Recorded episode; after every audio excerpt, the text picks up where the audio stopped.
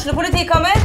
Ine Jansen er purk. Er du purk? The motherfucking bitch. Alt jeg vil, er å finne ut hva som skjedde med mannen min. Jon Carew. Er jeg sikta for noe? Iben Akeli. Det er du. Ole So, Lars Berrum og Big Daddy Karsten. Hvem sin side er du på, egentlig? Anette Hoff, Tone Danielsen, Kommer du fra Afrika?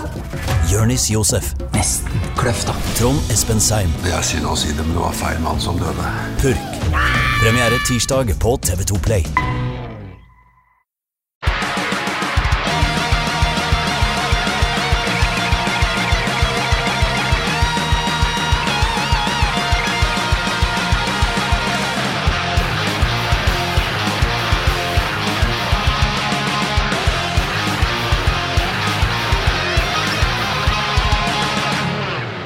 Hei, og velkommen til en ny episode av Debrif med Dag.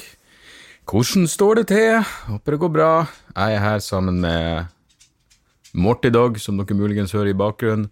Han henger i ræva på meg nå fordi eh, vi var jo eh, Fruen og Sander og jeg var eh, fem dager oppe i Nord-Norge for å begrave svigermor, og da ble Morty bare plassert hos, eh, hos noen naboer.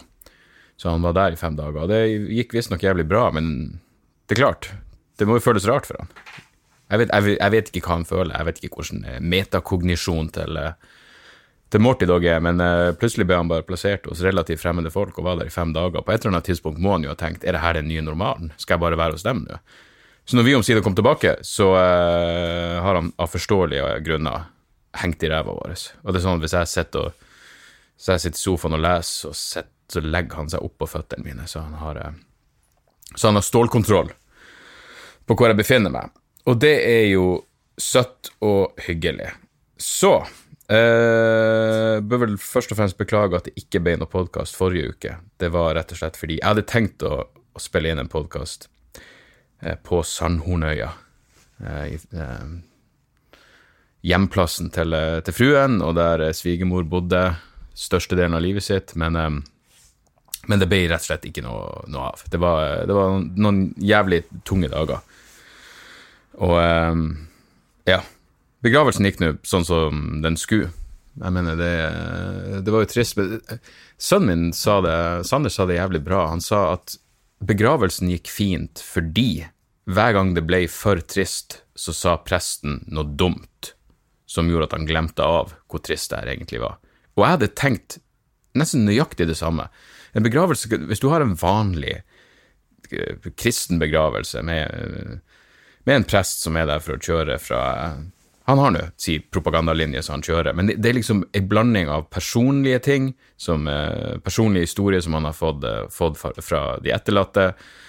Og det blir jo selvfølgelig veldig rørende, og så kommer det en eh, 'Å, ære være Gud i det høyeste', og så kommer du du kommer helt ut av det, og så starter du på nytt igjen. Så det er en, egentlig en fin forsvarsmekanisme mot at, mot at begravelser skal bli for trist. Og så var det også et herlig øyeblikk hvor Hva er det du holder på med, Martin? Han gnur Ikke si du gnur ræva. Det her er et hvitt teppe, du får ikke lov.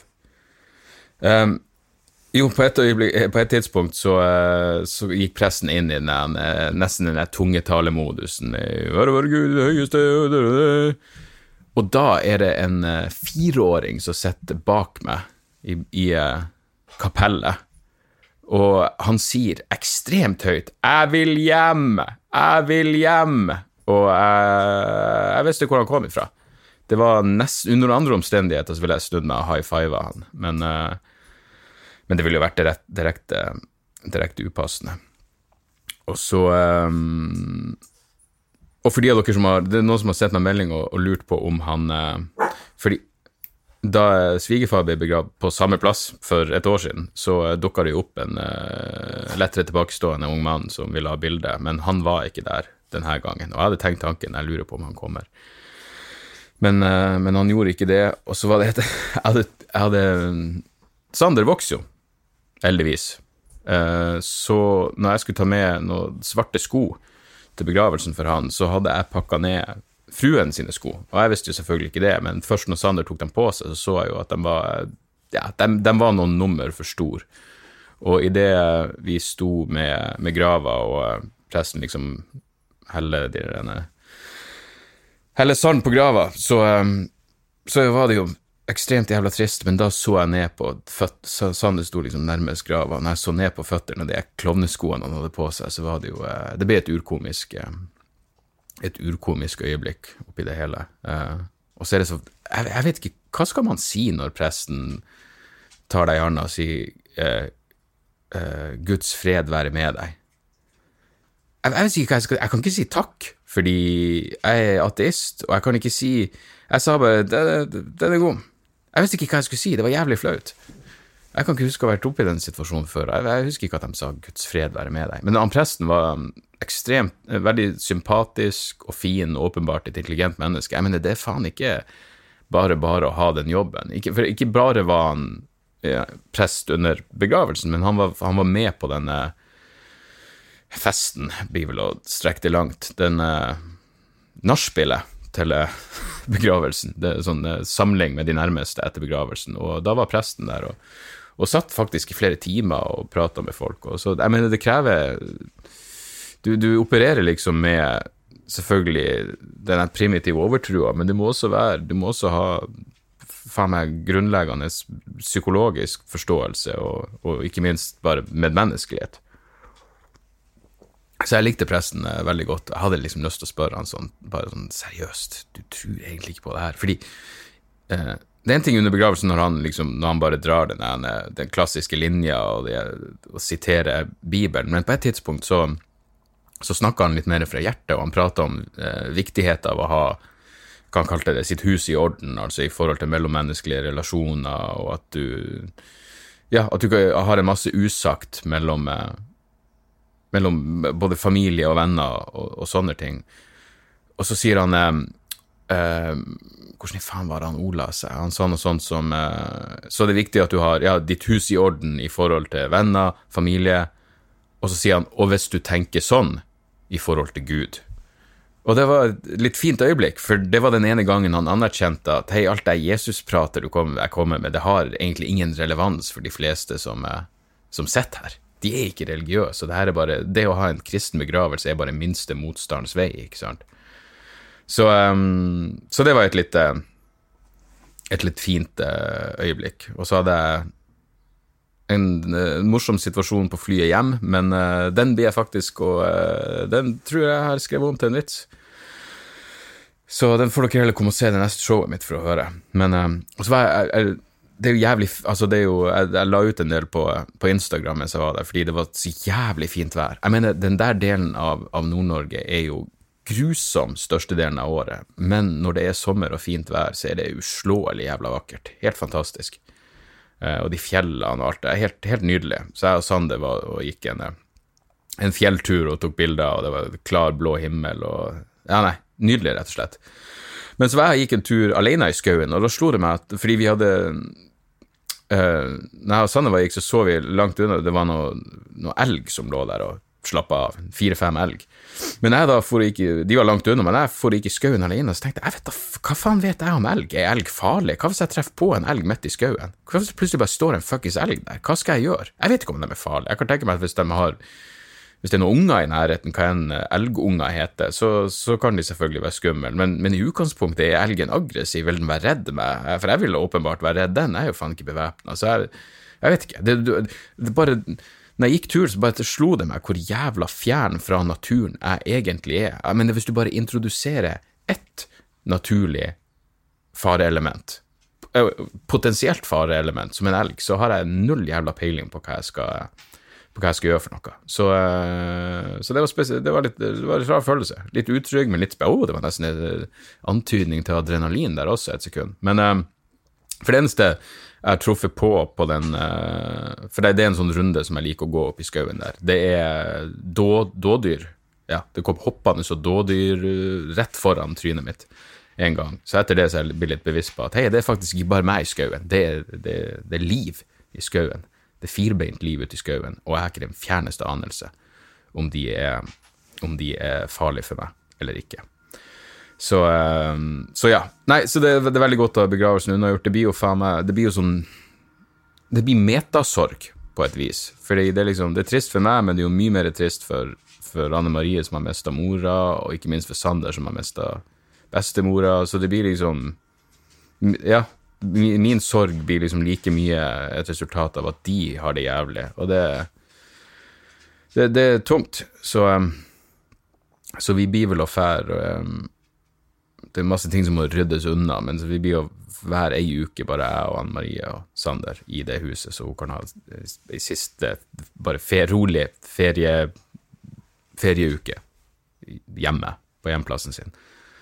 Før eh, ja, Hva enn som skjer med det huset videre, det vet jeg ikke. Men, eh, men ja. Så det, det, det, var noen tunge dager, men, eh, men sånn er nå en gang livet. Og uka før der så var jeg jo faen meg i Bodø da også. Jeg var jo og gjorde Standup Bodø hadde klubbkveld, så vi hadde et par show i, mm, i Bodø. På Nordlendingen og Hva skjer? Hva, hva bar, skulle bare Skulle bare. Nordlendingen og Skubare. bare. Og det var hyggelig. Jeg var jo i helt jeg, jeg, kan ikke huske sist gang jeg var i så jævla dårlig humør så da jeg ankom Bodø for det klubbshowet. Fordi det var ja, det var nå ting i hodet. Med både, med både svigermor og, og, ikke minst uh, min egen far. Som det går bedre med, for øvrig. Uh, han har vært heldig. Hvis du først skal få et slag, så har han vært heldig. Og det er ikke, ikke noe stor skade, så han er Han er er normal igjen, og, og, og, og, amen for det. Men da jeg kom til Bodø fra der, jeg var jo så inn i helvete dårlig form. Nei, dårlig, dårlig humør. Altså bare sånn virkelig søppelhumør. Og jeg møtte herlige Kevin Kildahl. Den skamløse Kevin, som Og jeg bare bestilte whisky. Ganske umiddelbart. Klokka var vel ett, men jeg gikk rett på whiskyen. Og og så dro vi Etter et par drinker så skulle vi gjøre et eller annet sånn radiointervju, noe lokalradio, bare fordi de bestandig har støtta opp når jeg har vært i Bodø. og hadde... Så ja, det var bare Men jeg, jeg, husker ikke hva vi sa i det intervjuet, men jeg tror det må ha blitt jævlig kraftig redigert. Fordi det var, det var en del usømmelige kommentarer som dukka opp, og jeg tror dem er glad for at de ikke ble sendt live, og det er for så vidt jeg også.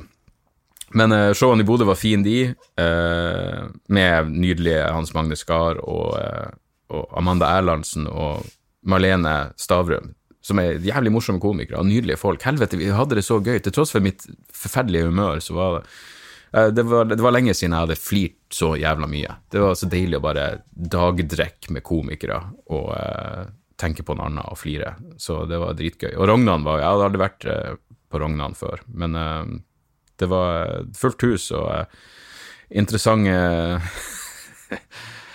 Ja, nei, det var, det var, en bra kveld. Helvete, altså. Den uh, det, der, der, var vi i, i slag.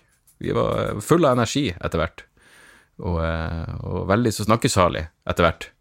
Så det var, en, eh, det var, en, bra kveld. Og det var en fyr som gråt etterpå også. Det var faen meg flaut. Han, eh, han hadde hekla eller noe, og så hadde Kevin sagt ifra til han, og så hadde dama hans og vennene hans begynt å hate han fordi han bare var en irriterende faen som ødela showet, og derfor begynte han å gråte. og Han kom etter oss når vi skulle kjøre, og det var altså Det tok så jævla lang tid. Jeg har ikke noe Altså, jeg har bare ikke eh, fuckings jeg har ikke tålmodighet til det der lenger. Og når han begynte å gråte Det var en del av meg som var sånn Å, jeg vet nøyaktig hvordan du har det. Du er hva du er. Du er, du er, du er 22 år gammel, og du er full og overfølsom, og du innser at du har tabba deg ut, men du vet ikke helt hvordan du skal ordlegge deg nå for å gjøre opp for det fordi du er dritings. Og jeg har vært der så mange ganger, så jeg hadde jo en viss sympati med ham, men samtidig var det sånn Kom igjen, la oss nå bare stikke. Og Kevin var jo i rent alfamodus og konfronterende, og så tok Hans Magne over litt. Jeg husker han gikk litt bort med han og prata med han, og Hans Magne er jo eh, i høyeste grad en mann, men han er ikke en, en, en alfahann. Eh, så han hadde jo garantert en mye mer empatisk og medmenneskelig tone med han enn det Kevin hadde. Og på et eller annet tidspunkt så eh, ja, så ordna det seg, og vi stakk og vi dro, men det tok, det tok lang tid. Men, eh, men, Rognan leverte, og det var eh, Det føles som et fjernt minne akkurat nå, fordi det faen meg er nesten to uker siden. Men, men sånn er det. Good times var det, i hvert fall.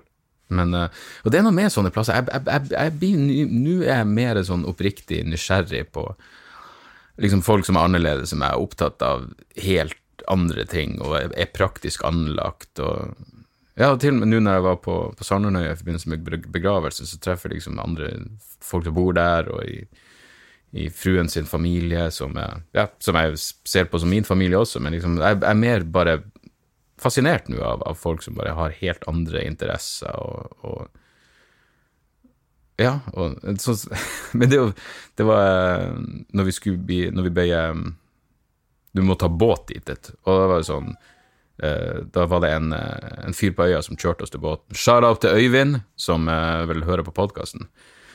Og så satte jeg, satt meg inn i bilen, så han hadde en jævla Det var en stilig bil, men det så faen meg ut som en monstertruck i, uh, i mine øyne. Enorm. Og så sa jeg til han, vet du, jeg kan fuckings ingenting. Ingenting om biler. Men uh, jeg skjønner jo at du kommer deg frem med den her, og da sa han bare Ei, du, det her er jo en sjuliter med en V4 rammemotor, og jeg bare Men du sa jo akkurat at jeg ikke vet en dritt om biler, men uh, det høres imponerende ut. Så hva er det som skjer, Martin?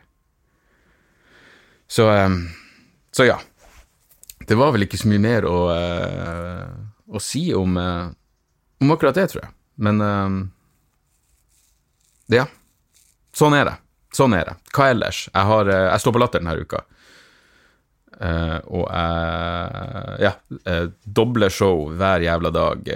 tirsdag, onsdag, torsdag, fredag, lørdag, og tirsdag var i går. Så, så det, var, det, var, kult. Jeg, jeg har litt sånn anstrengt forhold til den utescenen på Latter, fordi jeg har ikke noe tro på humor i dagslys. og mye av publikummet er faen meg folk. Du vet det typene som, som knyter genseren over skuldra og bestiller ei bøtte champagne. Det er mye sånne folk. Og det er jo på ingen måte min jævla demografi i utgangspunktet, men det gikk faktisk bra i går. Uh, begge showene gikk fint. Jeg fikk prøvd noe, et par nye ting som, som, som funka, og det gjør meg jo overlykkelig når helt nye ting faktisk funker, og særlig i sånn setting. Hvis de funker der, da funker de faen meg overalt.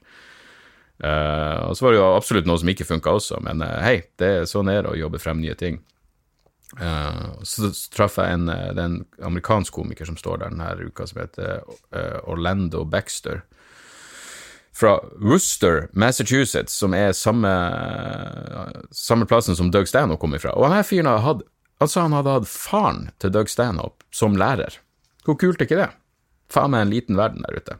Faren til Stanhope som lærer. Det er da er det kanskje forståelig at det ikke ble noen akademiker av, av denne fyren, men uh, han var hyggelig og morsom og alt det der, så, så det blir ei fin uke det, på, um, på, Latter, det her. Forhåpentligvis.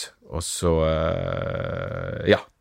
Hvis dere ikke fikk det med dere, så hadde jeg også et lite skriveri på trykk i, i Tromsø, hvor jeg Ja, det skulle jeg nevne. Jeg, uh, hva det blir? Forrige uke, forrige tirsdag, så uh, skulle sønnen min ha Da var Anne Marie allerede dratt nordover for å fikse ting i forbindelse med begravelsen.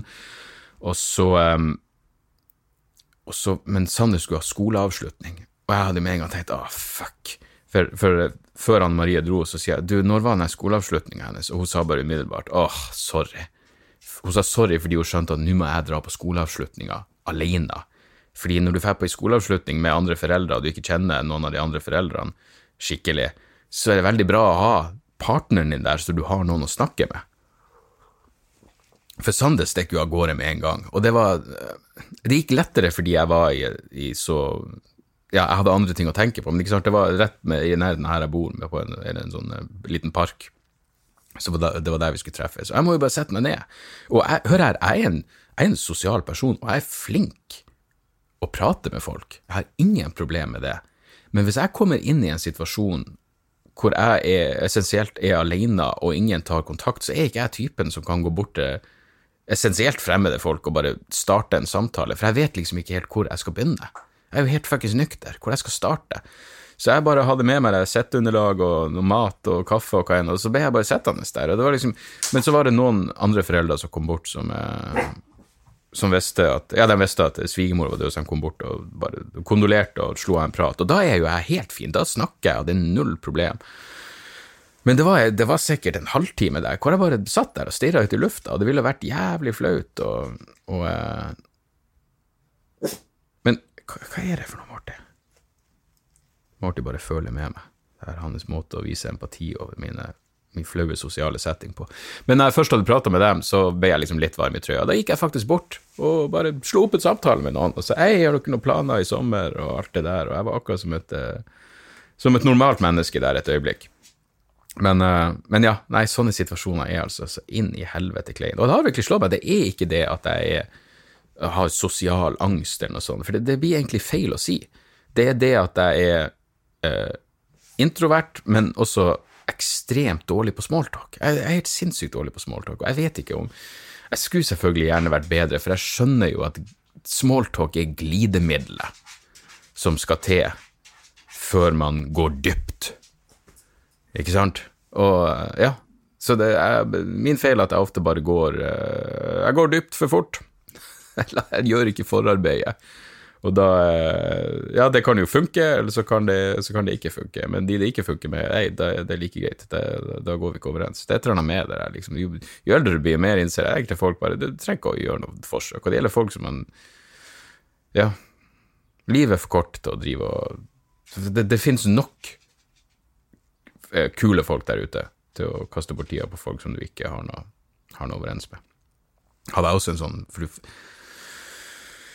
jeg, sånn, ja, Døden blir jo en del av det som går i Hele denne perioden her når det har vært eh, sorg i huset Fy faen, jeg, For det første har jeg jo sovet jævlig dårlig, men for det andre, drømmene mine har vært helt fucked up. Her om dagen, altså natt til i går, så drømte jeg at jeg lå for døden. Og det var um, Ja, det var, det var sånn drøm når du våkner opp, så er det sånn Satan, oh, jeg vet at det, det blir å ta noen timer før denne drømmen forsvinner fra bevisstheten min. Jeg kommer til å tenke på den noen timer for du har den ekle, jævlige følelsen. Men samtidig den følelsen Det var nesten som den drømmen gjorde at jeg fikk sånn Den ga meg litt livsgnist, den ga meg litt perspektiv på at hei, må du faen meg huske på å bare nyte den her eksistensen mens du har den. Og så var jeg dusj, Vi har et sånn eh, badekar som du dusjer i, som jeg egentlig ikke er noe tilhenger av. Men hør her, det var et kompromiss. Jeg fikk, når vi flytta hit, så fikk jeg kontor, og dama fikk badekar.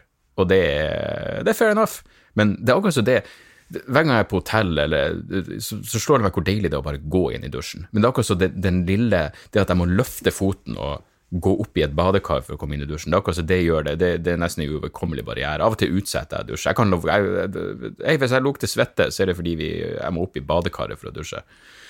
Uh, men da har vi selvfølgelig sånn matte liggende også, for det blir jo glatt. og uh, jeg hadde, jeg hadde vel skjølt av den matta, så jeg lagt den oppå uten å tenke over at når Henter du den?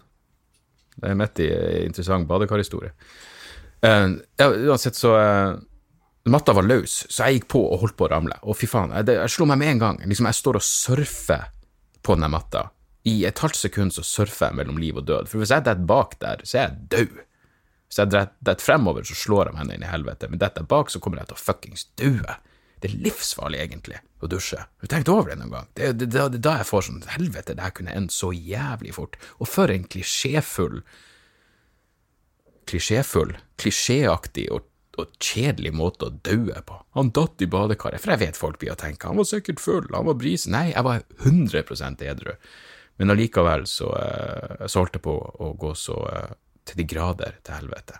Og det er liksom det der halve sekundet hvor jeg kjenner at nå er jeg virkelig mellom liv og død. Og det er man jo hele tida, men du kjenner først på det når, uh, når det presser på. Så, uh, så, ja. La oss ta noen mailer, fordi jeg har uh, Jeg har ting å gjøre. Så vi ser. Jeg gjør jo ting, for faen. Det er, det er problemet. Jeg har ting å gjøre. Jeg gjør jo noe nå. Jeg er i øyeblikket. I øyeblikket med dere. Skal vi se, jeg hadde fått et par mailer som jeg vil ha To historier. Skal vi se. Første. Hei, Dag. Vil være anonym, som du sikkert blir å skjønne når du leser denne. Først og fremst super podkast, ble hekta når jeg først fikk høre om den, har til dags dato hørt alle episodene og liker de vinkling og syn på mange ting. I tillegg har du veldig god humor på mange dystre ting, det har hjulpet meg gjennom mye dritt. Det eneste, min eneste innvending må jeg bare si mot denne mailen, er at den er skrevet på dialekt, og fucking slutt med det, folkens. Helvete, skal vi bevare skriftspråket, så må vi da skrive på en ordentlig måte. Uansett, jeg fortsetter. Det har hjulpet meg gjennom mye dritt og fått humøret opp. Det du snakker om Det du snakker om angst, kan jeg virkelig relatere til. For min del har angsten tatt over livet og gjør sånn at jeg skriver fra venner og familie, nesten ikke kommer meg ut av døra. Har du noen gode tips til hvordan man kan ta opp kampen mot angsten? Jeg vet ikke hvordan det er for din del, men for min del har jeg gått så lenge at jeg føler angsten har tatt over meg, og jeg begynner å miste kontroll på ting, så ekstra godt å høre at man ikke er den eneste med angst, fordi man kan sitte fast i det tankemønsteret at, at alle andre har det bedre, osv. Blir ikke tatt seriøst av systemet, ingen fare eller noe Blir ikke tatt seriøst av systemet, ingen fare eller noe godt og kan få høre andre sine tanker. Keep up the good, the, Keep up the fucking amazing God job. Med på, det skulle være en good job. God job høres jo bedre ut. God job. Ja. Betyr det at jobben din ikke eksisterte? Uansett, keep up the good job med podkast og standup. Hilsen en som også vil bort fra Narvik. du, der svarte du jo på, på angstspørsmålet ditt. Du vil bort fra Narvik. Jeg ville starta der. Uh, nei, for, altså, for det første, jeg har jo ikke angst lenger. Heldigvis. Jeg var skikkelig ute å kjøre for uh, Ja, nå er det faen meg ti år siden. Uh, og det var noen år som var røff, men det går fint med meg nå. Og jeg vet jo ikke Det som funka for meg Hør her, jeg, jeg prata til det kjedsommelige om det her, og jeg skjønner at hvis du først er åpen om noe sånt, så, så, ved, så, så blir du liksom angstfyren. Og det her var noe jeg faen meg måtte ta tak i en gang, i, hvor, jeg, hvor jeg tenkte nå blir jeg han fyren som er Jeg er han angstfyren, og det har jeg ikke lyst til å være angstfyren, for jeg har ikke angst lenger. Men uh, det som funka for meg, var for det første eh, selvrefleksjon. Jeg måtte virkelig prøve å tenke på hvorfor jeg har angst, hvorfor jeg føler meg sånn som det her. Så du må gå noen runder med deg sjøl, som jeg liker å si, og, eh, og, og, prøve å tenke over det. Uh, og hvis du virkelig vil bort fra Narvik, så, så, tror jeg også det kan være uh, et ledd i rehabiliteringa di. Men ja, så jeg, jeg, jeg tenkte meg om. Um, jeg gikk til legen og, um, og forklarte tingenes tilstand. Problemet var da at jeg fikk ei liste over psykologer, og så måtte jeg kontakte dem sjøl, som jeg som jeg vel kødda med på den tida. Jeg måtte, jeg måtte si til ham du skjønner at jeg har angst, for faen, og så skal jeg ut på audition med angsten min, og kanskje bli avvist av psykologer som ikke vil prate med meg. Det vil, det vil jo faen ikke hjelpe. Så, eh, så, jeg gikk aldri til noen noe psykolog, men etter hvert så fikk jeg jo eh, via en, eh, en, en, venn tak i beroligende medisin, eh, Sanor eller Exanor, Eh, en medisin som jeg for øvrig behandla med den største jævla respekt, det er jo uh, ja, det er angstdempende medisin, men det den medisinen gjorde for meg, var at Igjen, jeg, hadde ikke et sånn lemfeldig forhold til den, jeg, jeg, tok det seriøst. Jeg husker når jeg Med det samme jeg fikk medisin, så um, jeg fikk den rett før jeg dro til Det må ha vært 2010, før jeg dro til Edinburgh for å gjøre Fringe-festivalen. Så fikk jeg den medisin. Så husker jeg jeg prata med en, en, svensk komiker, som, en herlig fyr, som heter Aron Flam. Og så, og så, fortalte jeg, vi kom inn på det her, og så sier jeg ja, nei, så nå får jeg eh, Sanor. Og han bare 'Har du Sanor? Vi må choppe den opp og snorte den'.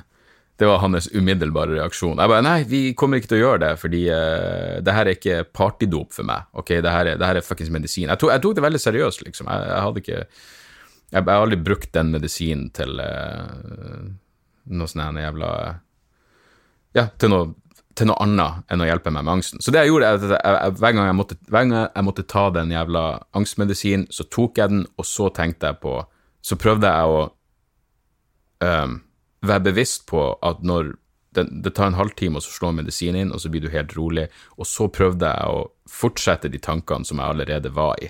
Jeg prøvde å fortsette de tankene Eller prøvde å fortsette å være i den situasjonen som hadde gitt meg angst, men nå er jeg rolig og, og, det er derfor medisin hjalp meg. Den hjalp meg til å skjønne at hei, det her er bare noe som faktisk foregår internt. De eksterne eh, omgivelsene er de samme akkurat nå, og det er faktisk bare jeg som tenker feil. Uh, og, og, det hjalp meg. Og etter hvert slutta jeg med medisin, og så uh, Og her kan jeg ikke nekte for at det å gå ned det å gå ned i vekt og føle seg litt, eh, litt bedre, føle at du tok noen sånn helsemessige grep, det hjalp meg også mye. Så, så, så nå er jeg fin. Jeg har ikke angst. Jeg hadde angst, har ikke angst lenger. Og du har angst, men du kan bli kvitt den. Så, så, utenom det så er jeg jo ikke noen fuckings psykolog, så jeg vet ikke hvorfor du har angst, men, men uh, der har du i hvert fall måten jeg gjorde det på. Så, så lykke til, mister Anonym. Og ja. Kom deg bort fra Narvik hvis du tror det hjelper. Så var det ei historie som jeg leste mens jeg var oppe i Nord-Norge, som bare var helt nydelig. Her er Med vennlig hilsen anonym, ja. Det overrasker meg ikke. Den uh, mailen har bare emnefeltet 'Takk for utvida blodprøve'. Hei, og takk for, flott, takk for en flott podkast. Jeg lytter oftest til podkastene dine når jeg kjører bil. Vil gjerne takke deg for at du geleida meg inn i politikontrollen med blodsprengte øyne, som igjen førte til utvida blodprøve. Det var episoden Svigermor som antagelig traff en nerve, i tillegg til at jeg blir flaut følsom dagen derpå. Jeg hørte på denne mens jeg kjørte hjem etter en langhelg i Tigerstaden, og tårene trillet. Kom rundt en sving, og der sto de selvfølgelig og vinka på meg. Fikk tørket tårene og strammet meg opp sånn noenlunde. Da mitt utseende ikke minner om noen bibelgutt, dro politiet raskt beslutningen at her var det narkotika inne i bildet, og at blodprøver at en blodprøve var eneste utvei.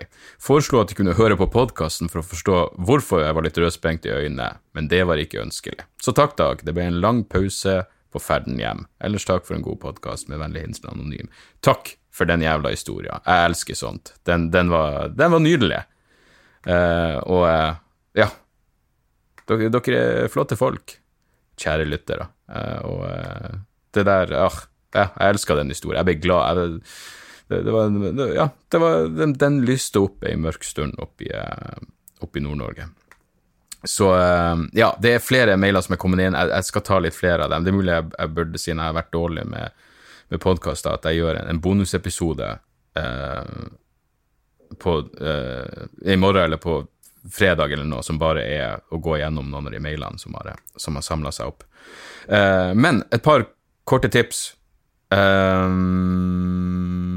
ja. Jeg har fått en ny bestevenn som jeg aldri har truffet. Uh, Tim Dillon en, en amerikansk komiker som eh, Han både hører og ser ut Husker dere Var det ikke Chris Farley? Chris Farley.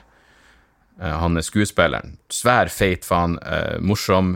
Spilte masse filmer med David Spade, blant annet. Tommy Boy og Beverly Hills Ninja. Jeg og Sander så faktisk Beverly Hills Ninja her om dagen, og fortsatt morsom. Men Chris Farley var jo en sånn brautende, feit storkjeft. Tim Dillon er som en, en intellektuell utgave av Chris Farley. Uh, han er Jeg vet ikke, han har holdt på med standup noen år. Han har et sett på Å, uh, hva faen heter Er det Comedians Comedians of the Hva faen heter jeg, jeg slår opp her. Tim Dillon, Netflix. The Comedy Lineup heter den. Uh, det, det, er komikere som bare har et veldig kort sett. Jeg tror det er sånn 10-15 minutter hver.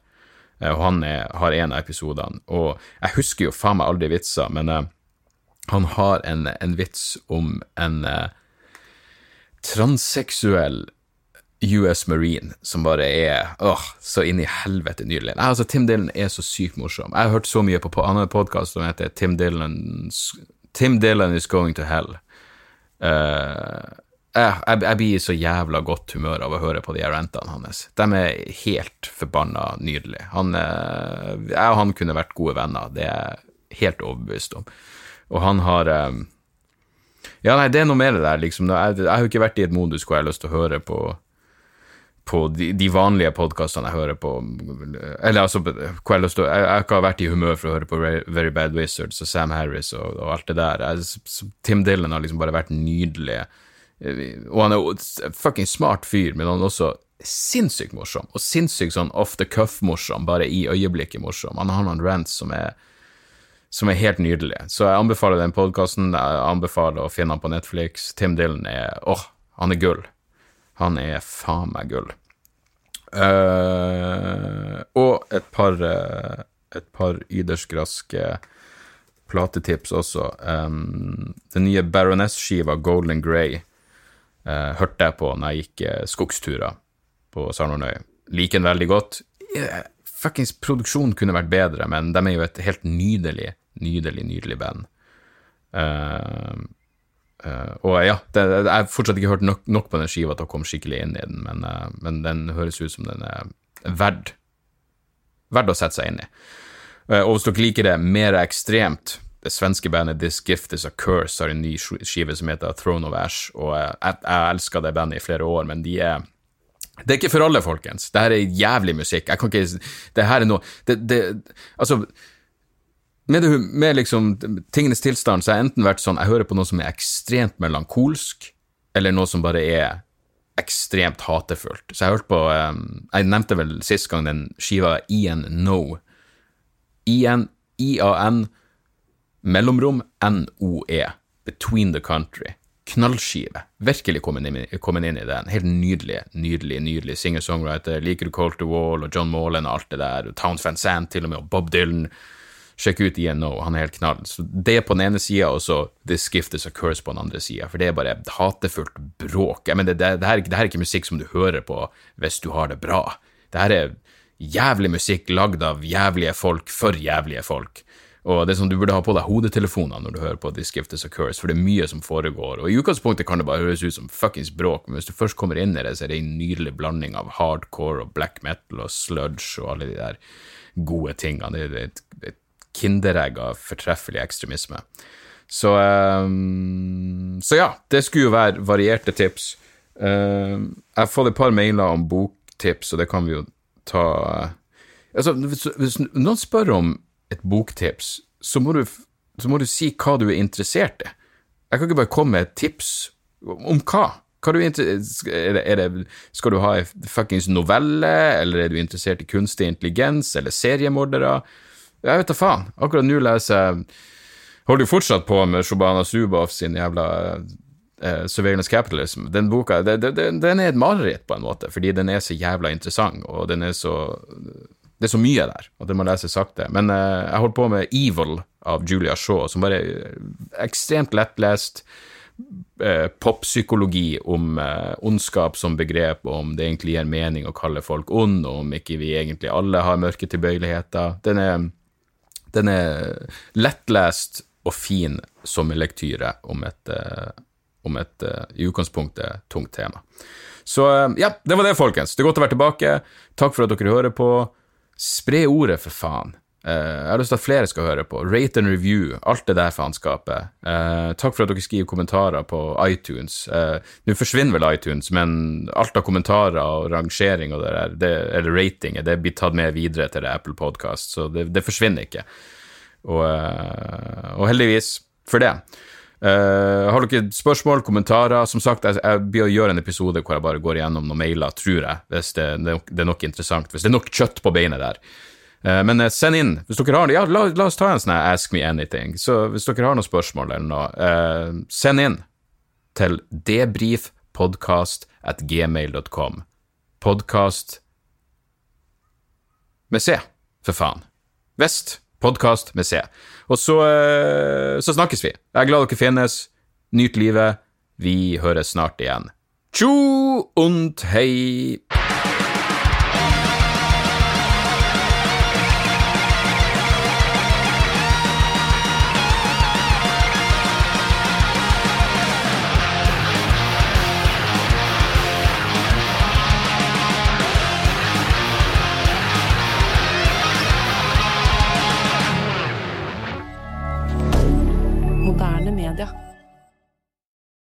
Har du et enkeltpersonforetak eller en liten bedrift? Da er du sikkert lei av å høre meg snakke om hvor enkelt det er med kvitteringer og bilag i fiken, så vi eh, gir oss her, vi.